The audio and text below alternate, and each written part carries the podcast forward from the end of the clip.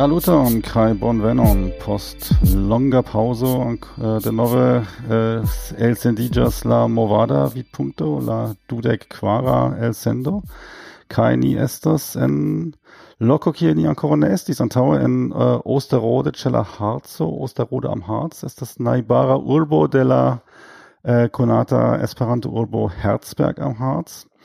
Kai uh, yes ni havas Gaston ci tie. Do, unu, uh, unu ni estis ci tie uh, pro la Germana Esperanto Congreso. yes. Mm. estas mm. Esperanto Congreso unua kiu ni partoprenas post la uh, post pandemio. La oh, do, estis, ne, estis ne estis kongreso, estis la ja ĉef kunveno kiu okazis ci tie. Yes. Es, es, yes, por esti tre precisa, cio tio devis fakte okazi Kai ni um, kai ni ege yes. joyas, kai ni uh, successis interconsenti interviuon. Kai nia gasto estas uh, estas Sofia Correri. Kiu fakte estis nia gasto en Movada Vidmo. Oh, saluton Sofia. Saluton. Saluton al vi. Do, ni ĝojas uh, denove havi vin ĉi tie.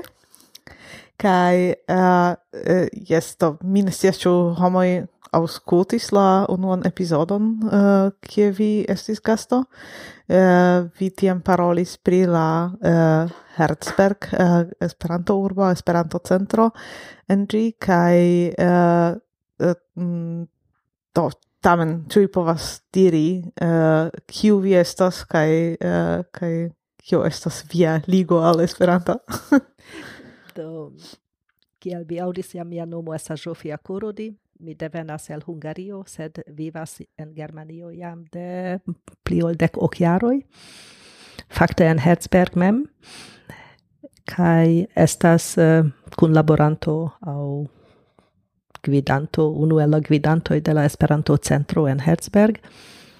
Mi estas komisiito por eh, uh, educado, instruado de la lingvo kaj examenado komisio venos de Germana Esperanto Asocio, ĉar la centro estas la filio de GOEA por klerigado kaj kulturo. Mm -hmm. Do ni plenumas plurajn taskojn, ĉu ne, en Herzberg por Esperanto estas loka agado por uh, gvidi klubon eh, fari la Esperanto aspektigon de la urbo en kunlaboro kun la urba administracio ekde 2006. Ni zorgas ankaŭ pri train seminarioj kaj instruado de instruontoj, instruistoj, ne nur instruontojn, sed ankaŭ movadajn aktivulojn ni trainas per niaj train seminarioj, kiuj generale okazas kvar kvin foje en la jaro. kai la centro estas ankaŭ la centro de la asocio de germana esperanto instruistoj kies mhm. mm -hmm. Eh, prezidanto mi estas mm -hmm. ĝi estas la landa sekcio de ilei en germanio kaj mi gvidas ĝin ankaŭ em de kelkaj jar dekoj da je do uh, kaj vi nun diris eh, uh, uh, instruistoj uh, ĉu vi mem estas instruisto aŭ ĉu vi estas pli manaĝero aŭ kiu do laŭ laŭ profesio mi estas instruisto, mi eh, finis la Esperanto fakon en la Universitato de budapesto elte. Mi studis lingvojn, la anglan, la hungaran kaj Esperanton, do mi finis ĉiujn tri fakojn kaj havas mian diplomon. Kaj eh, laŭ profesio mi ege shatas instrui, tu ne? Estas mia eh, uh, electita fako kai mi instruis en plurai lerneioi en Budapesto, kaj mi instruas ancau, au instruis antau la pandemio ancau en Herzberg, eĉ mm -hmm. en lerneioi, mancus al mi instruado se mi ne, ne povus tion fari, kaj compreneble gvidas ankaŭ movadajn kursojn Mhm. de comenzanta nivelo gis la instruista trainado mm -hmm. de lerneioi gis popol alt lerneioi do estas uh, uh, gioio por mi occupigi pri diversai age gruppoi. Mm -hmm.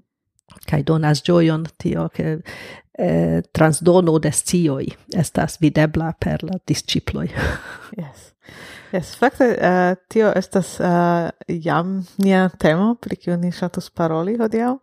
Uh, vi ankaŭ dum dum tiu ĉi uh, kongreseto aŭ uh, kunveno uh, menciis la temon kiam estas la plej bona aĝo por infanoj lerni la lingvojn kaj uh, kaj tie mi shatus usi vin eh, uh, aŭ uzi viajn sciojn kaj vian ĉeston kiel uh, kiel specialisto uh, se vi povus uh, iomete uh, lumigi tiun parton uh, kiam estas la plej bona tempo kiam infanoj lernu la lingvojn kaj kio diras uh, proca kio kio kio estas kontraŭ. yes, vi donas al mi malfacilan taskon. Sed eh, eh, la non i povos vidi el, el vid punctoi. Eh, kion celu la instruado, kion celu fremdlingva instruado, la instruado de gepatra lingvo, la instruado de la unua, tiel nomata unua, ne, gepatra lingvo, ciu gi ocasas en la familio, en aparta curso, ciu gi ocasas en la lerneio, do estas ege eh, mult faceta afero, kai uh, eh, mi havas uh, iom da sperto pri lerneia instruado, mm -hmm. char mi kiel instruisto, cun espertis tion, kion um, kunportas lernantoi, alla lerneio, ciu ili jam lernis iun eh, lingvon eh, kia estas la gepatra lingvo, ciu la dua lingvo, oni nomas ĝin unua lingvo, cefe la, eh, la gepatra lingvo, la unua lernita lingvo. Mm -hmm. Estas uh, grava uh, por la, la lernanto janko, ciu gi similas alla uh, gepatra lingvo, ciu estas tute malsimila. Mm -hmm Ĉu la vortprovizo estas uh, rapide uh, alproprigebla aŭ estas grandaj diferencoj? Kiam mi memoras mian lernejan jaron eh, post la hungara gepatra lingvo, mi devis lerni la rusan en la jaraĝo eh, dek, en la mm -hmm. kvina klaso, lerni tute novan skribmanieron, lerni vortojn kiuj tute ne similas al la hungara, kapabli scribi ilin, capabli prononci ilin, estis grandega defio. Mm -hmm. Kai multai kiui eh, ne havas iun apartan interesigion pri lingvoi, simple luctas lerni tion, kai se estas lerneia faco, kai deviga faco, tiam estas eh, eh grandai problemoi, mm -hmm. kai ofte frustrigas la lernantoi.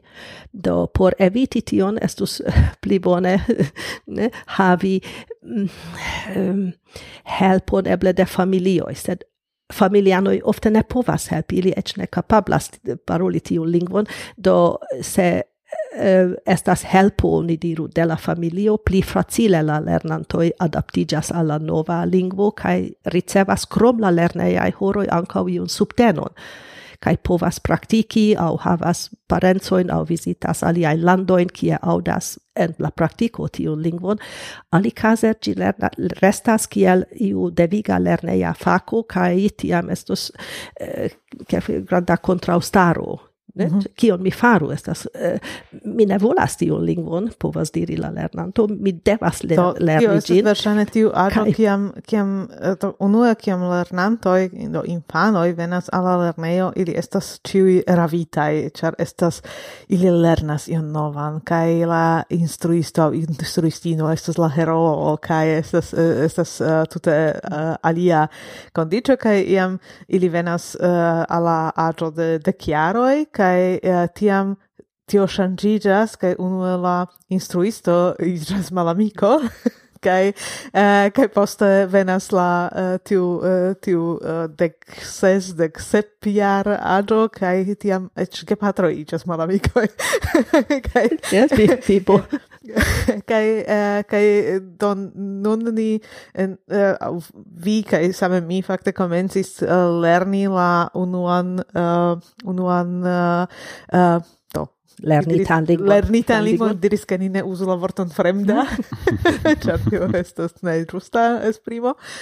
Uh, eh, sed uh, do ni komencis lerni ĝuste en tiu tempo kiam uh, kiam uh, fakte ni komencis dubi pri la uh, kapabloj de niaj instruistoj, ĉu ne? do estas Mm, tendenzo comenci frue. Do estas kelkaj kiuj diras, ju pli frue oni instruas iun uh, alian lingvon, la unuan lernitan lingvon, des pli bone oni lernas kaj des pli da tempo oni havas al proprigi. Sed la spertoj montras ke se oni uh, en la basa lernejo unua klaso, dua klaso, kia eklernas ĝin, kiam ankoraŭ la gepatra lingvo ne estas tre konscie lernita kaj ne havas sistemon en la kapo, tiam restos iuj vortoj eh, sen gramatika strukturo en tiu nova lingvo kaj eble ludeme lernas la lernantoj nur kelkajn kantojn aŭ vortojn kai se ili poste comenzas sistemigi gin laŭ la lernei ai postuloi estas eh, uh, malfacilajoi Mm -hmm. Tiuj kiuj en pli uh, posta periodo, do eble deka, dekunua, dekdua jaraĝo komencas tiu novan lingvon, post la bona kono de la gepatra lingvo, havas pli bonajn rezultojn. Mm -hmm. kai pli sisteme, pli konscie povas uh, kompreni kiel lingvo funkcias, kiui elementoi en gi estas kiui reguloi, kai ili povas adapti la reguloin por crei novain aferoin.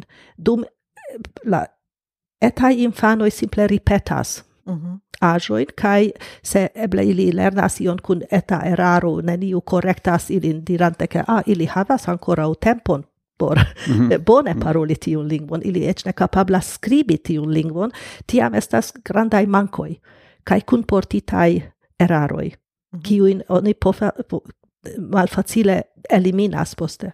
Uh, tamen, antau kelka jaro, mi ne scias, eble dek jaro, uh, eh, en verŝajne mm, plej granda kvanto de la eŭropaj landoj, uh, la sistemo ŝanĝiĝis kaj eh, kaj ĉiuj landoj puŝas la uh, lernejojn, uh, puŝas lernejoj uh, instrui la lingvoin vere en la frua agio au ec en infanĝardenoj veris eh, estis granda eh, granda uh, furoro eh, eh, fari tion eh, ke infano iam en infanĝardeno havas ian eh, ian alian lingvon por lerni.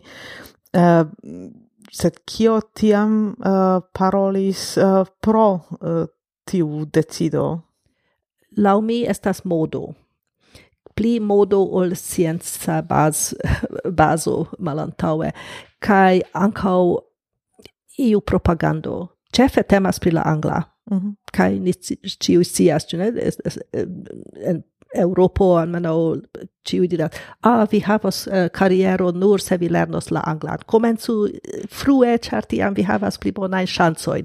Oni povas vendi Lerno lernolibrojn oni povas pushi la gepatroin eh, pagi por kursoj. Do tion mi formulas tion estas la, la mo, modo, ĉu ne? Kaj estas eta konkurso, mi jam iras, eh, mia lernanto aŭ mia infano jam povas uh, diri tion kaj jam kantas en, en la angla, jam kapablas diri tion kaj jenon. Sed uh, vera lingvo kono ancora ne ekestos pro tio. Mm -hmm. Kaj se ili tro leggere, tro ludeme komencas, Eh, poste venos la postuloi, grammatica giustezzo, formulo de frasoi, analizo de la lingvo, kai ili restas cetiu ludema stilo, tiam ili havas problemoin. Ne, ist da äh, mi en mia lingvo lernada carriero fakte äh, iris la la ähm, fakte Mala, la malan vojon. Do äh, fakte do ähm, de mia familia fono ist hier ke mia äh, gepatroi äh, bone parolas fremda no, no alia in lingvo lernita in lingvo do mia patrino bone regas la francan kai äh, la anglan mia patro la anglan kai mi äh, i ankaŭ sufiĉe usas uh, usadas tiujn äh, uh, corno in doni ofte voyages al uh, Francio al Anglio kami mi ofte aŭdis miajn gepatrojn uh, usi tiun lingvon. Kai uh, estis ankaŭ uh, por mi tute praktik praktike mi mi uh, patrino foje interpretis uh, inter mi kaj in infanoj en uh, en Anglio au Francio. Do por mi estis tute evidente ke estas utile uh, paroli uh, plurajn lingvojn. äh, kaj äh, sedmi do ne vere systeme äh, erklärnis lingvojn, do mi yes, konis ke kein kantoin anglajn eble auf aŭ francajn, set ne vere ke kein wortoin. Set ähm, la äh, unuan fojon ke chemi vere sisteme erklärnis äh, es estis en la äh, en la unua klaso de la gymnasio do la kvina lerneja jaro kai tio es estis la latina. Mhm. Kai do mi io mette es das ähm do unu flanke äh, tio Uh, suf, estis laŭ mi estis sufiĉe utile al mi havi äh, lerni la latinan, set netio multe por la lingvokonoj, set pli äh, por la logika mhm. pensado. Mm -hmm. Ne estis ia äh, es ist tutte evidente ke ne es celo paroli la latinan. Do, uh, do es, äh, es das, ähm, set estis ähm, äh, tre do mi tre ŝatis ver analisi äh, lingvon äh, laula formala reguloi kai äh, do trovi la rilatojn inter in subfrazoj kai äh, tio wahrscheinlich äh, suffice ankaŭ helpis al mi en la lernado de programado. Tja, tio ankaŭ havas tiujn äh, äh, strikte logikein äh, äh logikein ähm, äh, reguloin. Kai do nur poste mi fakte äh, erklernis lingvoin engla franzan anland kai do fin anko esperanton äh, pli petiu metodo usi la lingvon en la en la babilado. Kai do mi pensas ke tio ne estas la play mal dusta äh, oder play mal bona äh, vojo char äh, mi tamen povas uzi in teoriajn konojn, ni, ni ekzakte konas kie tio kie estas kazoj, kio estas verbo, kio kio estas participo, tiu ne estas iu concepto kiun mi eh, äh, devis fakte lerni äh, por la lingvolernado, ĉar mi ĉion jam konis de la latina. Kaj um, mi ofte miras ĉu eh, ĉu tiuj eh, konoj pri la lingva teorio, ĉu ili estas kiom grad ili estas helpaj por lingvo eh, aproprigo, ĉu estas eh, helpo, ĉu estas eh, neglecteblai, do kio estas via opinio pri tio? Do mia opinio estas che estas vera bona helpo. Kiel mi diris tiu tiel nomata ripetado de, en frua agio de vortoi, kai ne, ne gvidos al lingvo capablo, parol capablo, nu gvidos nur se la kiel vi diris la um, heimafono, la gepatroi au aliai ebligas praktikadon de tio. Se ne, tiam gi restos quasi iu akirita baza eh, cono, sed ne farigios vera lingua uscapablo. Quasi infanae Infa poemoi. Poe, yes, ancau. Eh, estas iu bona bazeto, sed eh, tiu sistemigo de la, de la lingvo lernado gi vere venos eh, post la deca iaraggio. La via plei bona sperto esas kun dec unu, dec du jaraj lernantoi, kiuj tre tre rapide, giuste post la compreno de tiu lingva sistemo au pere de la eh, gepatra lingvo au iu oni parolas kelkfoje propedeutiko, ne? Lernu, i, lerni iun lingvon, ki es sistemon vi eh, vidas, vi kapablas, vi konas tiu nocioin, kiel funkcias iu lingvo, pli frue tion en, en antaŭ la deka jaraĝo vi ne povas instrui ankoraŭ al lernantoj kaj vi multe sparas en la lingvo lernado se vi havas tion bazon ĉu pere de la latina la sistemon, la logikon, compreni la funkcion de la elementoj en la lingvo. Kaj um, um, por tio taugas, ne? la latina ec se quelcae trovas gin ege malfacila cae neutila o nepraktika en la tiu taga vivo kai eh Estas foje eh, utila por fanfaroni. Por, yes. Ja, eh, yes, sed, tre, tre gravas eh, eh la um, tiel votai grammaticae categorioi, mm. la compreno kiel eh, ili estas combineblai. Bela exemplo estas eh, en Hungario tiui kiui iris al cursoi prepar cursoi por trapassi la, exemple, bo unu, bo du nivelan examenon en iu alia lingvo, ili estis devigatai eh, lerni unue la, germa, la hungaran grammaticon. Char la instruisto diris, ni povos prepari vin, sed dauros tre longe. Se vi mem ne memoras elviellerneia jaro, kio estas adjektivo, akuzativo kaj kazoj kaj tiel plu, vi havas malbonan ŝancon ĉe iu ekzameno. Mhm. Kie mm -hmm. ili ne postulas tion, teorion, sed ili postulas bone strukturitain frasoin, mm -hmm. traducoin kai eh, combinoin de, de frase elementoi, vi devas esti capabla fari transformoin en la lingvo, fari demandoin, respondoin, fari eh, completigon de frasoi per diversai elementoi kai tia plu.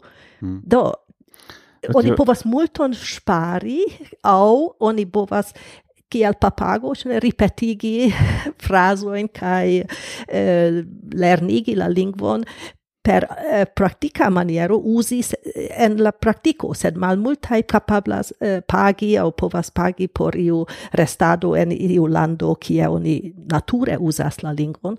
La alia maniero estas sidi lerno libro computilo kai lerni eh, es ist äh, äh, apart apart interesse pri la hungara lingvo cha la, la hungara lingvo kiel do ni diru deven lingvo äh, estas ja äh, grammatike sufiĉe malsama al ĉiuj najbaraj äh, lingvoj do ekzemple germana franca angla aŭ la slavaj lingvoj.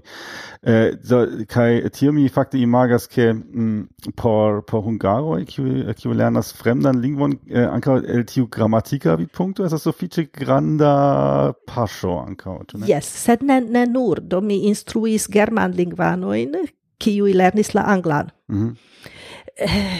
Estas du parencaj lingvoj, sama strukturo pli malpli, ja, kun prepozicioj, kun sed tamen estas eh, eĉ dek jaruloj kiuj eh, simple ne komprenas kial estas io tiel kai se ili ne comprenas ili nur eh, ripetas ion au hazarde kun metas sen conscio ĉu eh, sukcese ĉu malsukcese sed estas malbonaj produktoj je la mm-hmm. fino eh, mm -hmm.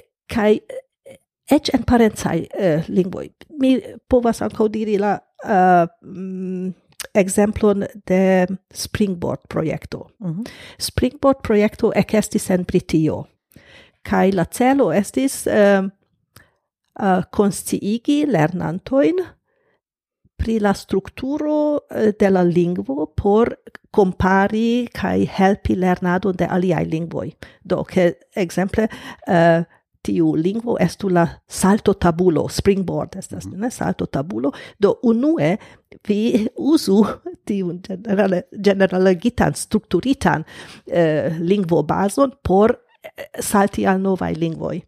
Da tiel, tiel, Kai, tiel oni diris relative tiel, tiel la latina, ĉu oni... Eh, eh la latina, ciu Esperanto, ĉu net, eh, tiu Springboard projekto estis Esperanto, kai ili lernis poste la francan au la hispanan, kai mezuris la rezulton. Mm -hmm. Kaj estis tre bonai resultoi ce tiui infanoi kiui usis tiun salto tabulo eh, sistemon por lerni la sekvan lingvon. Mm -hmm.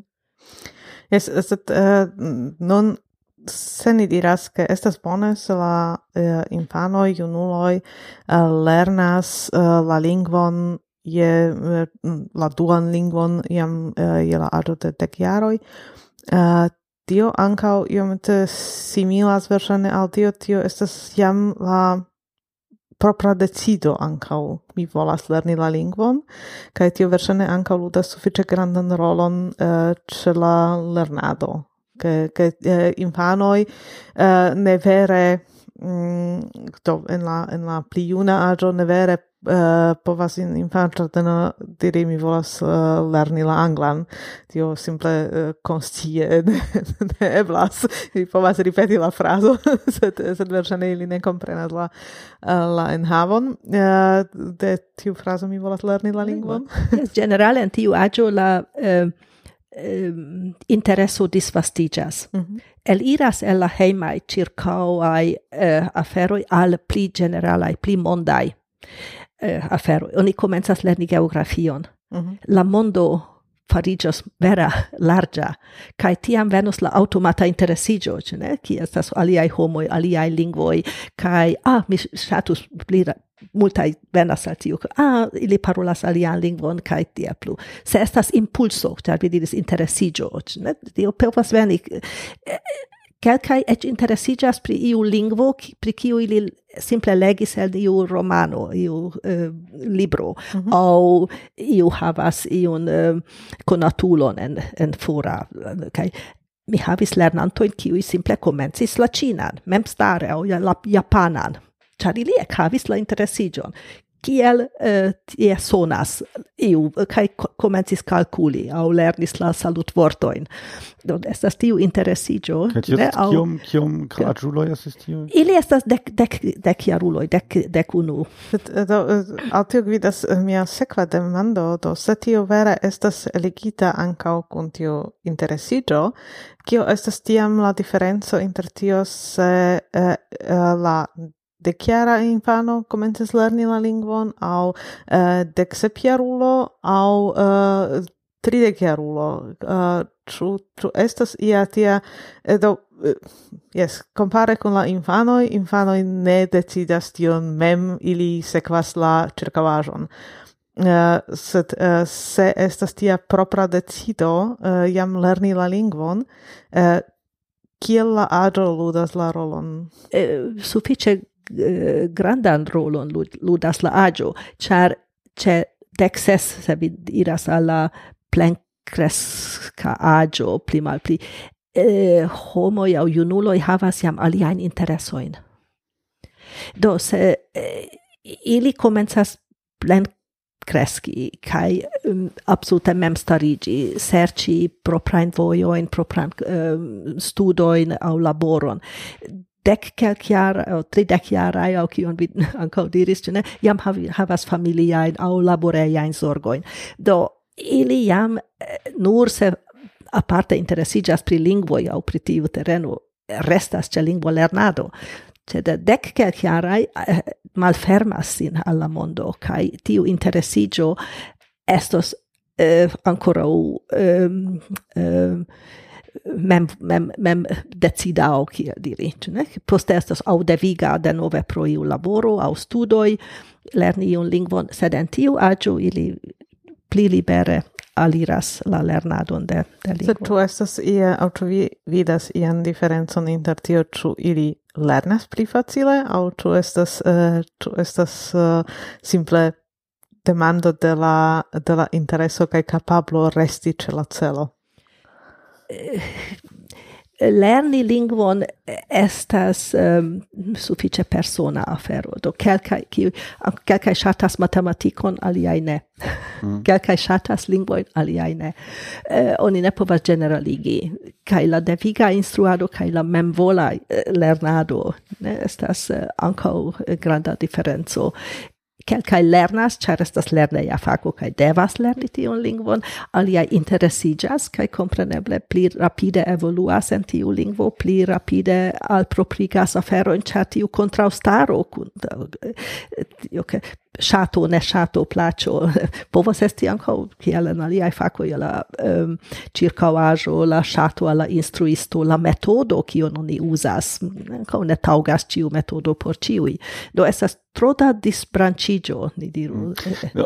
Ez es, es es interesse, char um, do oni ja fenomenon, ke exemple infanoi de eh, enmigrintoj, kiuj eh, en la diru bazlerneja aĝo, do inter do jes kai deck en venas novan landon eh, kai eh, eĉ la gepatroj ne regas la eh, lingvon de la nova lando kai la infanoj eh, visitas la basle neon kai ili sufiĉe rapide, rapide ankaŭ yes. eh, vere kvazaŭ kiel denaskuloj eh, akiras tiun novan lingvon Kai kaj samtempe la gepatroj eh, eterne fakte restas eh, havas eh, havon do ne perfekte lernas tin kaj do de tie eble venas tiu tiu imago ke jes se oni instruas infanojn tiu tiam ili lernas ke ka iam se ili estas tro aĝaj ili ne lernas set, do tamen tiu tiu infanoi, de immigrinto ja lerna ne lernas la lingvon eh, instruitan. Ili ja simple lernas gin eh, doc cha ili estas enjetataj en la circauajo ĝuste. Kaj eh, ne estas cha ili havas eh, la lingvo instruadon en la eh, ĝusta aĝo. Tio estas laŭ mi jam alia afero ĉu ne? Ĉar ili aperas eh, kiel sponĝoj et, et, et, en la kapo eh? kaj estas en nova medio kie ili absorbas. Mm -hmm. Ne tion. Cefe ili lernas de la sama giuloi. Do, mi instruas en postagmeza lernejo, ki mi helpas frem lerni la aliaen lingvoin, cefe la anglan, kai helpas ancau mm, en migrintoin, infanoin, lerni la germanan. Kai eh, ili tre rapide capablas ripeti tion, kion ili audas en la circauajo. Cefe de la, de la samagiuloi granda influo venas, ili volas kune ludi, ili volas intercomprenigi, kai uh, eh, la aliaen uh, eh, de la instruisto, den, ili jam iom pli malfacile acceptas, sed compreneble ili devas, char ili ler, lernas uh, tion uh, en la lerneiai horoi. Sed por ili ancora unu lingvo, do exemple en la tria classo, quara classo, ili comenzas la anglan. Post la lernado de la germana, che iaro in antaue, en la lerneio, estas granda problemo. Do ĉu por ili la eh, ne funkcias sia propedeutika funkcio ke ili havas la gepatran lingvon, la ili havas la germanan kiel kiel lingvo de la ĉirkaŭaĵo kaj tiam venas la angla kaj eh, tiam fakte la angla devus esti tute facila por ili, ĉu ne? Ne, ĉar estas uh, tro da impulso aŭ ankoraŭ tro freŝa la la um, kai ili ne konscie lernas tion lingvon, ne konscie igi pri la do se vi uzas tiun salto tabulon vi havas vian gepatran lingvon vi havas la salto tabulon sed ĝi lernas ĝin por esti salto tabulo mm. ili ne lernas la germanan ekzemple esti salto tabulo I, I, tio estos eh, kiel dua denaska lingvo preskaŭ. Do esto tio tio ŝajnas la grava afero ke tiun eh, akiron de lingvo eh, en la eh, maniero kiel eh, denaska homo aŭ kiel oni eh, eh akiras denaskan lingvon estas alia ol la eh, instruita lingvo kaj tion oni ne povas fakte imiti per instruado. Yes, yeah. yeah. yeah. Mm -hmm. yeah. Es do tio, uh, tio fakte por, uh, por uzi tiun propedeutikan funkcion uh, de Esperanto, se, se iu aŭskultas kai, kaj havas tiun celon, uh, tiam uh, la, la uh, mesaĝo estas uh, ke oni ne komencu en la infan ĝardeno kaj ne ne komencu uh, instrui Esperanton kiel uh, kiel uh, uh, tuan gepatran lingvon au ian tian hazardan lingvon de kiu oni havas ian vortprovizon bazan au ion tian. Sed uh, sed vere uh, instrui alla uh, dek uh, jar aduloi au uh, pli altai infanoi uh, instrui vere la sistemon kai instrui tiun eh, tiun uh, eh, baza in stonoin mm -hmm, mhm. kai mm -hmm. kai uh, montri kiel oni mm -hmm. povas kombini kai konsie kombini tion. Juste yes mm -hmm. yes tio estas uh, ankaŭ kiel vi diris por vi la latina tu ne? Sed devus esti la sistemo mhm. kiu faras ordon. Anko eble pri la gepatra lingvo au la ler sekva lernota lingvo. Sed tamen uh, se ni denove eh, revenas al tiu punkto ke eh, ke uh, en multaj landoj oni komencis instrui la uh, aliajn lingvojn uh, en la infanĝardeno uh, uh, uh, ĉar oni rigardis uh, la la denaskuloj kiuj havas plurain gepatrain lingvoin kai uh, kai un diras tio estas ja bonege uh, kai tiu infanoj havas avantaron char fakte uh, jes sutis la lingvoin kun la patrina lakto. Kio estas kio estas tiam tiu pozicio de de la denaskuloj do ili daure havas tiun avantaron, quancam ili lernis du lingvoi ne consie Yes, sed au du au tri et. yes, ti estas te tempo faktoro, tu ne demando de tempo. Mm -hmm. Ili estas kaj la loco, ili estas circauita de de tiu. Se estas gepatra lingvo kaj ciu parolas au unu el la gepatroj parolas constante, regule dum multai horoi, en tiu lingvo, tio ne estas ripetebla. Mm -hmm. En lerneia circunstanzo. Mm -hmm. Kai la simple la tempo mancas, kai la circauajo mancas, la situazio mancas. Mm -hmm. Ec en la lede, se vi parolas kun la gepatroi, la plen tempo estas inter vi. Se vi parolas kun uh, eh, instruisto en classo kun dudek, eh, estas eta parto de la tempo por vi. Mm -hmm. Tio, tio, nun levas la demandon, do se facte tiu, eh, tiu fenomeno che infanoi capablas lerni duan o trian lingvon, eh, quasau, eh, kiel denascan lingvon, äh, kai plenkres kuloj tion ne kapablas, se tion äh, eh, infanoj kapablas äh, tion nur se ili äh, ankaŭ äh, havas la chanson äh, lerni gin en tia ĉirkaŭaĵo. dort schu fakte estas ancora ia äh, avantaggio kun frua lingvolernado äh, krom la äh, eh, tempofaktoro? Do. Do, avantaggio non in generale diras che eh, consciigi infanoi che existas aliai lingvoi. Mm kai ci gravas kai formuli eble per la buscio per la lango cioè aliain sonoin e ial alcutimigi ilin al pronunciado kai ti plu e, iom ludeme lerni vortoin mm -hmm. avantaggio estas uh, um, tiu uh, novajo, ne? che mi parolas unu lingvon kai ankaŭ iu akceptemo, ke mi acceptas che aliai parolas en alia lingvo. Mm.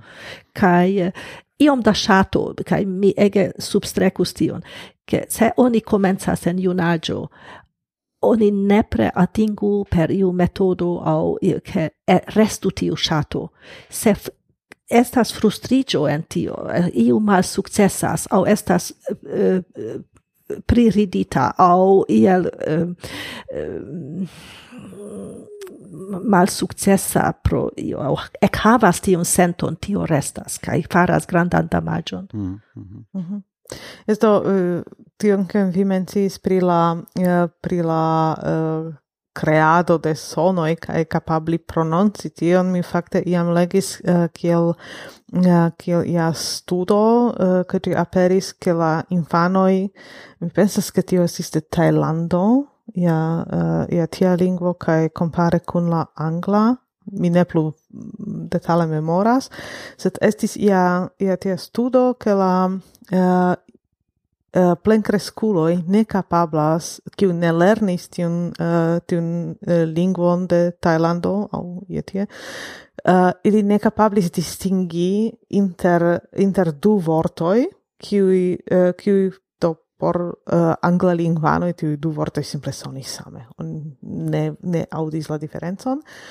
Uh, por la denasculo de tiu lingvo, oni clare distingis tiu estas du vorto ne estas, ne eblas uh, ne auditi, do eble en Esperanto ni havas tiun problemon ku so kai, uh, so kai zo, en kelkaj quelcae homoi mm. havas tiun problemon distingi tiun uh, tiun du sonojn kai uh, en tiu, uh, tiu Eh, studo estis uh, estis tiel ke ili ili uh, lasis homojn aŭskulti tiujn sonojn kaj jes plenkreskuloj tute ne kapablis aŭdi la diferencon se ili ne aŭdis la lingvon kiel infanoj. Sufiĉis ke la infano uh, en la juna aĝo ne, ne devis paroli la lingvon sed simple estis en en tiu ĉirkaŭaĵo kaj tiam infanoj kvazaŭ evoluis en la cerbo uh, ian, uh, ian sistemon por reconi che tio estas aparta sono. Kai eh, kai tio estus uh, tio estus uh, uh, avantaggio por tio lerni la lingua in laueble play frue au uh, minimum ausculti la lingvon laueble play frue. Se oni decidas che frua lingua lernado anco oni estu sin garda daurigi tion, au havi, au havigi la chanson. Ali case estos, estos grandai eh, truoi, ni diru.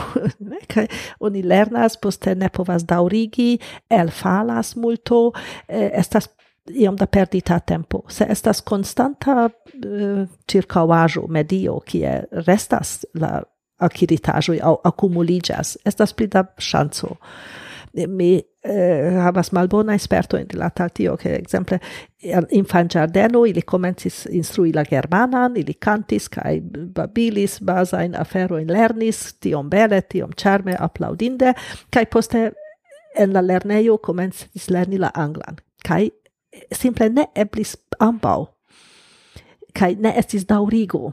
Mm -hmm.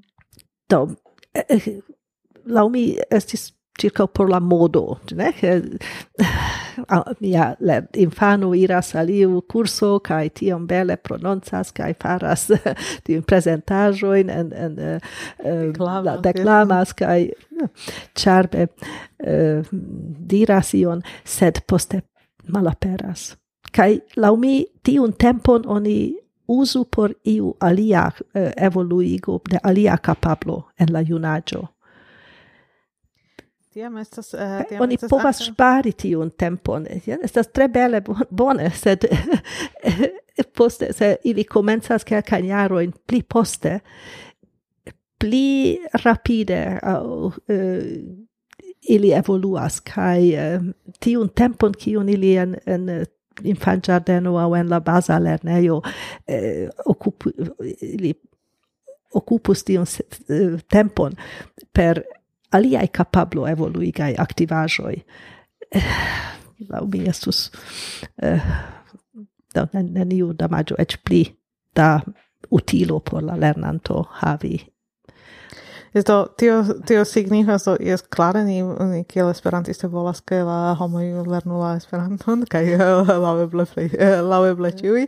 Ah, Sed se ni, se ni revenas al tiu projekto, uh, ah, tiu salto breto, eh, uh, kaj, uh, eh, kaj se ni volas oferti, ekzemple, eh, la cursoin por la infanoi, kai ni diras do estu salto breto uh, por, por aliei lingvoi, Uh, kai iam en la decaiaro de la infano ili komencas lerni Esperanton kaj uh, eh, lernas minestias ne uh, kiom da horoj. Kaj poste venas giusto tiu truo kiun vi menci ĉar tiam ili de tiu salto breto saltas al alia lingvo. Uh, ĉu tio ankaŭ en Esperanto uh, kaŭzas pli grandan damaĝon ke ili ne daŭrigas? Aŭ do jes ke mi diris ni ĉiuj volas ke ili lernu jes sed ne tre sed ne tro da utilo ni diru por sed vi rigardas la Esperanto vidpunkton. Ili uzis tiun salto tabulon por lerni alian lingvon iom pli konscie eh, havi imagon pri la propra nazia lingvo, gepatra lingvo, sed giuste anco mancas la medio. Tiui instruistoi ne capablis daurigi cun ili la lernadon. Mm -hmm. La elfalo de jaroi ne post la ŝato, mi estis en lernejo, ili ŝategis Esperanton, ili giue uzis la lingvon, tre bone eh, komprenis la strukturon, tre bele rekreis eh, novajn frazojn, sed la instruistoj mem ne estis bona parolanto de la lingvo. char la, la condicio estis trejni ankaŭ la instruisto eh, instrui al tiui lernantoi basa in siun logicon de la lingvo comparoin al aliai lingvoi, sed ne vere usi ilin, kai ili ne povis daurigi. Eh, eh, mm -hmm.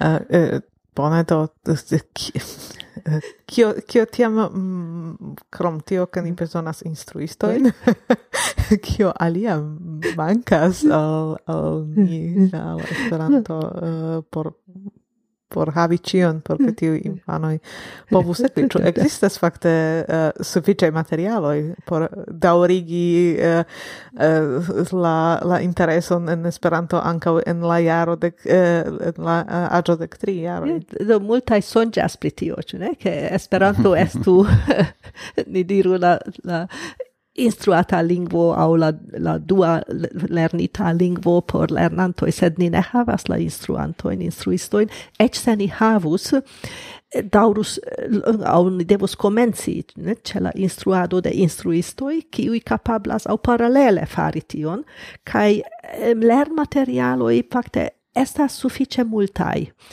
Eh, ne, ne ĉiuj estas ege modernai.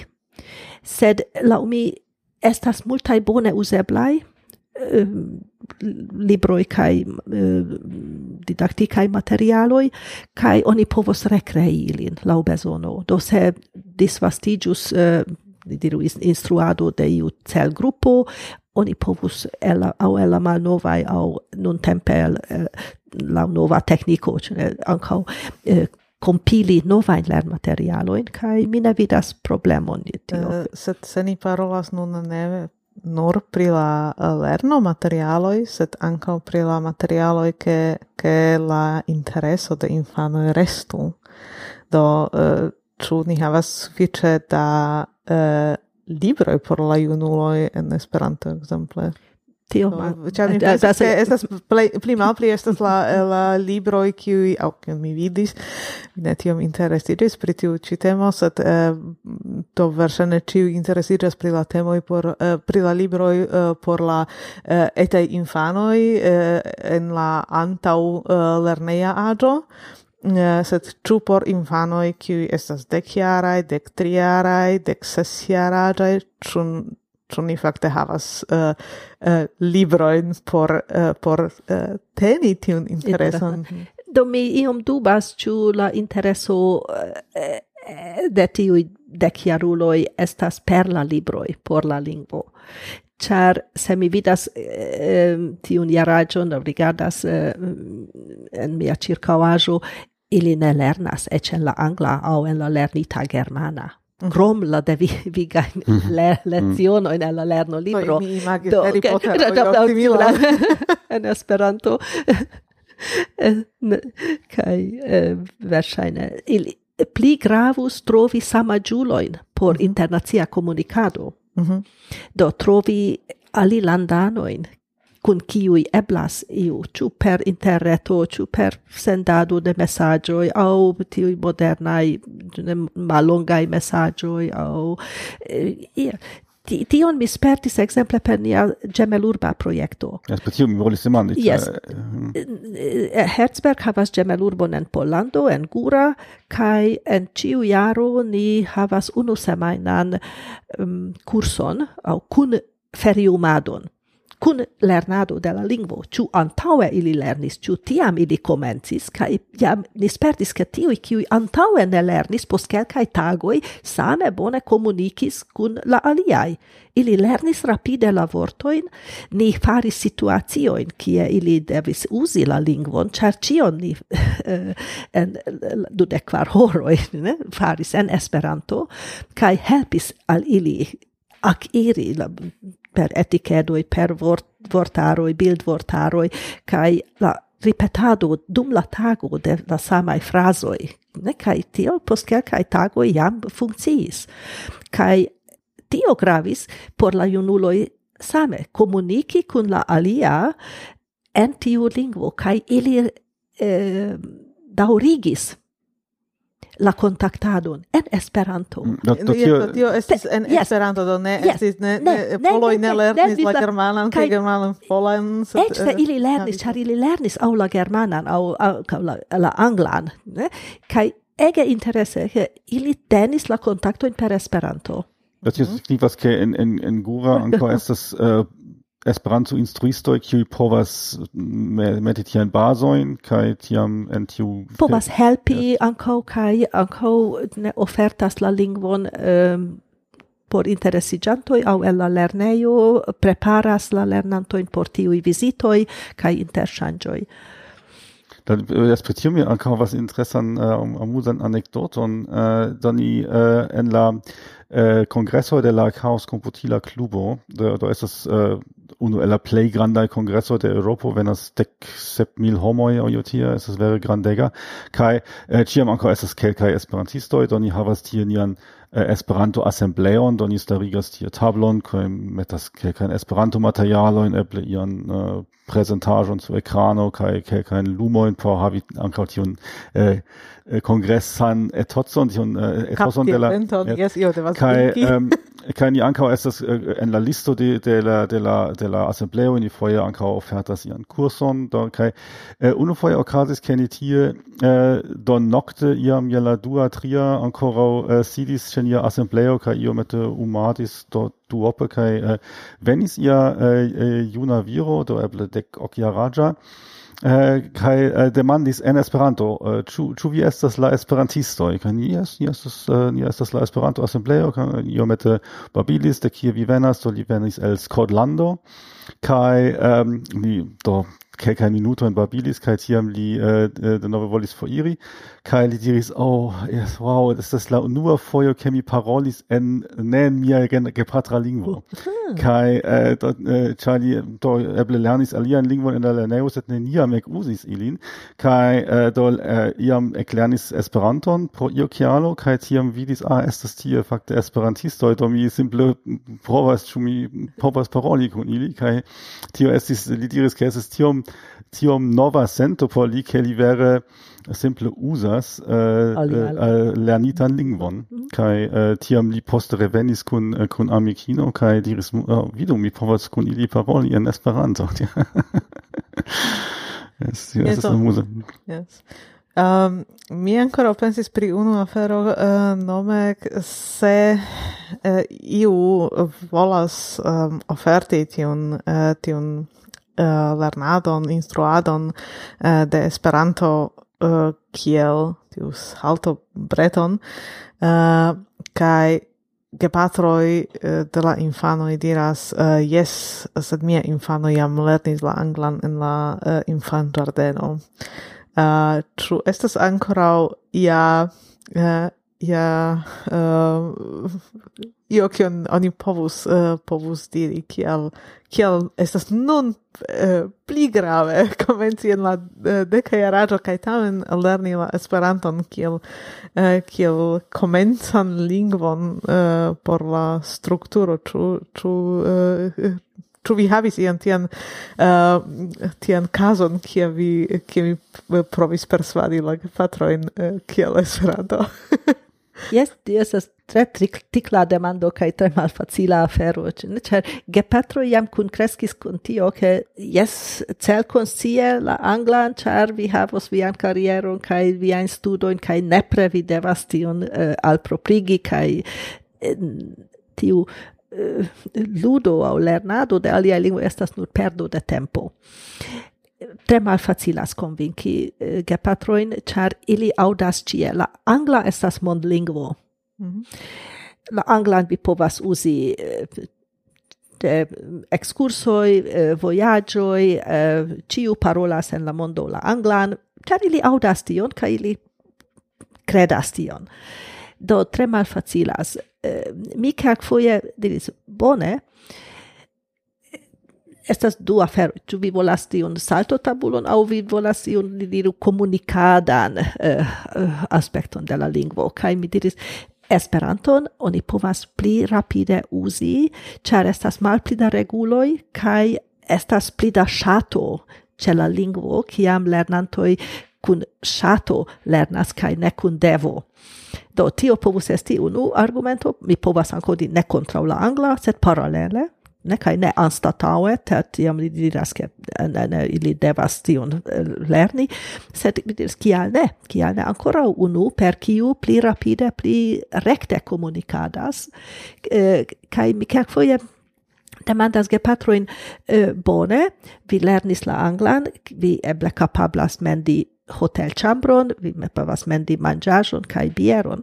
Sed en Esperanto mi havas amikojn kai mi comprenas la vivon kai la parolon de loculoi kai ne nur de la fremtul gvidanto au de la uh, hotel servisto do tiam tio pensigas ilin iomete mm -hmm.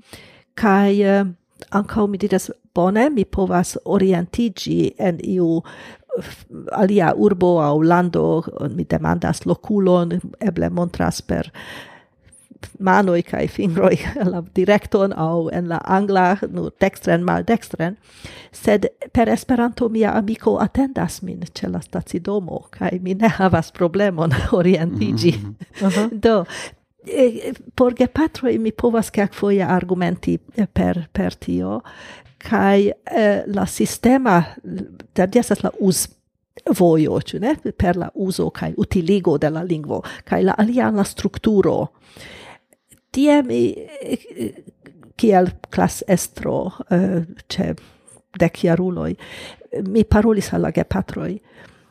Kai mi diris eh, mi shatus uh, eh, uh, montri la strukturon de la lingvo por helpi exemple la anglan. Nun temas ankaŭ pri la hungara kiel gepatra lingvo sed ne nepre. Mm. kai en miai classoi mi ciam instruis Esperanton. Antau ol mi detale en iris la lernadon de la angla. Mm -hmm. Kai tion mi diris ankaŭ la gepatroi. Ne malhelpos. Ec helpos.